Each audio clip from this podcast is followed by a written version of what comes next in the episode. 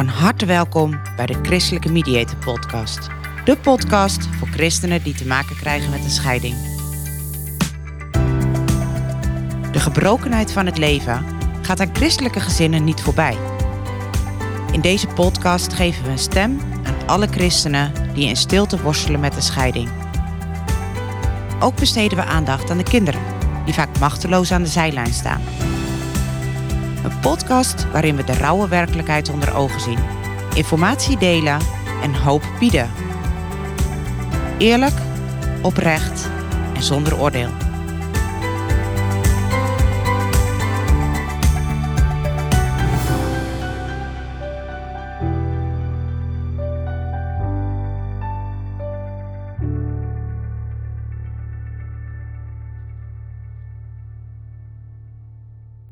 Welkom bij de Christelijke Mediator Podcast. Goed dat je luistert. Schreeuwen naar de hemel. Ken je dat? Dat je het in de stilte uitschreeuwt, omdat je niet meer weet hoe het allemaal verder moet. Omdat je je in de steek gelaten voelt. Omdat je het idee hebt dat God je toch niet hoort of ziet. Als God bestaat, hoe kan Hij je dan juist nu, nu je Hem zo hard nodig hebt, aan je lot overlaten? In de periode dat ik zelf in scheiding lag, heb ik het nummer Schreeuwen naar de hemel van Martijn Buwalda echt stuk gedraaid. Ik had een cd in mijn auto, ja die goede oude tijd met cd's. En die cd, die stond eigenlijk altijd aan. En luidkeels zong ik dan mee. Laat me schreeuwen naar de hemel, longen uit mijn lijf. Want waarom zou ik nog bidden als ik toch geen antwoord krijg? En verderop, doorbreek die stilte. Wees het water in mijn droge land. Doorbreek de kilte in mijn hart, mijn ziel en mijn verstand. Want ik heb u nodig. Kom alstublieft een stukje dichterbij. Want zonder u is alle kans op hoop voorbij. Zoveel wanhoop, zoveel machteloosheid, zoveel strijd. Tijdens een scheiding staat je hele leven op zijn kop. Niets is meer wat het was. Misschien heb je wel geprobeerd afleiding te zoeken in je werk, of ben je je vol gaan storten op de zorg voor je kinderen. Maar vroeg of laat kom je erachter dat dat de oplossing niet is. Er komt zoveel op je af dat je het gevoel kan hebben dat je verzuipt. Dat de grond onder je voeten is weggeslagen. Want alle zekerheden zijn ineens onzeker. En dan kijk je als een konijn in de koplampen van een auto. En je weet niet meer hoe het verder moet. Of het nou je partner is die jou heeft verlaten. En je het intens oneerlijk vindt dat hij of zij door dat besluit jou gevoelsmatig de afgrond in heeft geduwd. Of jij bent degene die de knoop heeft doorgehakt. En al dan niet met een schuldgevoel wat aan je knaagt blijft zitten. Of je je niet gezien, niet gehoord en niet begrepen voelt. Wie je ook bent, waar je ook vandaan komt en waar je nu ook staat, weet dat je er niet alleen voor staat. Ook als Gods aanwezigheid eindeloos ver weg lijkt, Hij is erbij. Hij kent jou. Hij ziet jou. Hij doorgrondt jou. En zoals je wellicht uh, weet, en ik benoemde het net ook al, in mijn eigen scheiding heb ik daar zo ontzettend mee geworsteld. En ook in de dagelijkse praktijk hoor en zie ik zoveel mensen die worstelen. Worstelen met hun geloof. Worstelen met de aanwezigheid van God, terwijl die zo ver weg lijkt. Worstelen met fouten die ze al dan niet hebben gemaakt en niet meer weten hoe ze het recht moeten zetten. Vooral heel veel mensen die zich zo ontzettend alleen voelen. Ken je dat gedicht? Het gedicht Voetstappen in het zand.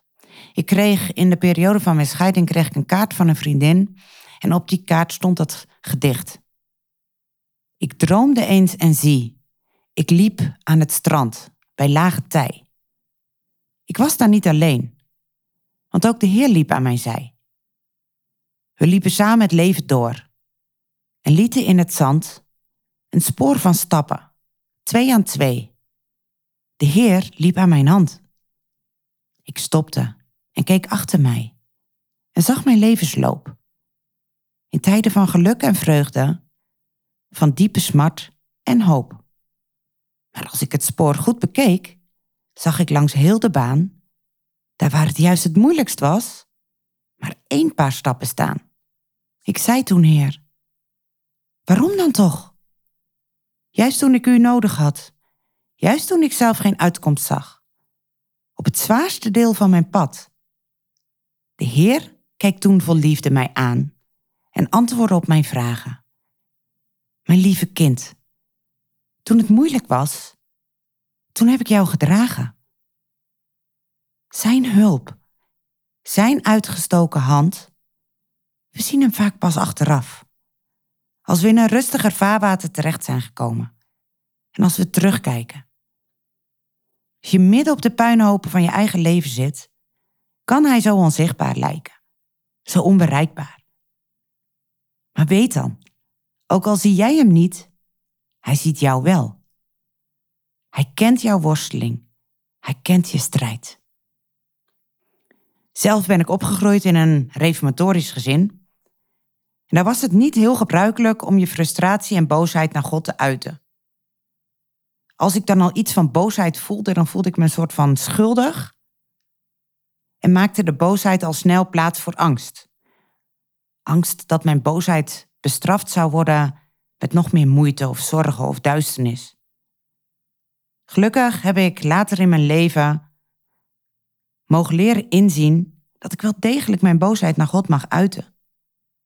De Bijbel geeft er overigens ook echt mooie voorbeelden van. Denk maar eens aan het verhaal van Job. Of David die in de psalmen roept: Mijn God, mijn God, waarom hebt u mij in de steek gelaten? Waarom houdt u zich ver van mijn hulpgeroep? Ik roep overdag, mijn God, en u antwoordt niet. En in de nacht, maar ik vind geen rust. En laten we eerlijk zijn, David had niet het perfecte leven. David heeft grote fouten gemaakt. David heeft diepe dalen gekend. Maar hij wist de plek waar hij met zijn boosheid en zijn frustratie en zijn verdriet heen mocht. En trouwens, zelfs Jezus zegt: Mijn God, mijn God, waarom hebt gij mij verlaten? Dus natuurlijk mogen wij ook met de emotie van boosheid naar God toe. Waar de boosheid ook vandaan komt, wat de grondslag er ook voor is. Ook jouw boosheid mag er zijn. En nou weet ik, destijds in de periode dat ik zelf in scheiding lag, zeiden mensen vaak: Gods wegen zijn ondergrondelijk. Ik vond dat toch vaak wel een beetje een dooddoener. En ik was er wat sceptisch over. En toch is het waar. God overziet het grotere geheel. Leg alle puzzelstukjes van je leven maar in Zijn hand. Hij zal alles op zijn plaats leggen en je leven compleet maken. Want Hij heeft een plan voor jouw leven. Als je naar je leven kijkt, zie je wellicht een doos met allemaal puzzelstukjes. En de deksel waarop het totaalplaatje staat, dat ontbreekt. Maar hij ziet het hele plaatje. Dus leg alle puzzelstukjes, ook degene die beschadigd of zwart zijn, maar in zijn hand. Want hij laat niet los wat zijn hand begon. Hij laat jou niet los. Dank voor het luisteren naar de Christelijke Mediator Podcast. Mocht je behoefte hebben aan advies of aan een luisterend oor, schroom niet. Neem vooral even contact op. Dat kan via www.christelijkemediator.nl. We helpen je graag. Je staat er niet alleen voor. Wil je geen aflevering meer missen? Abonneer je dan op de podcast in je favoriete luisterapp.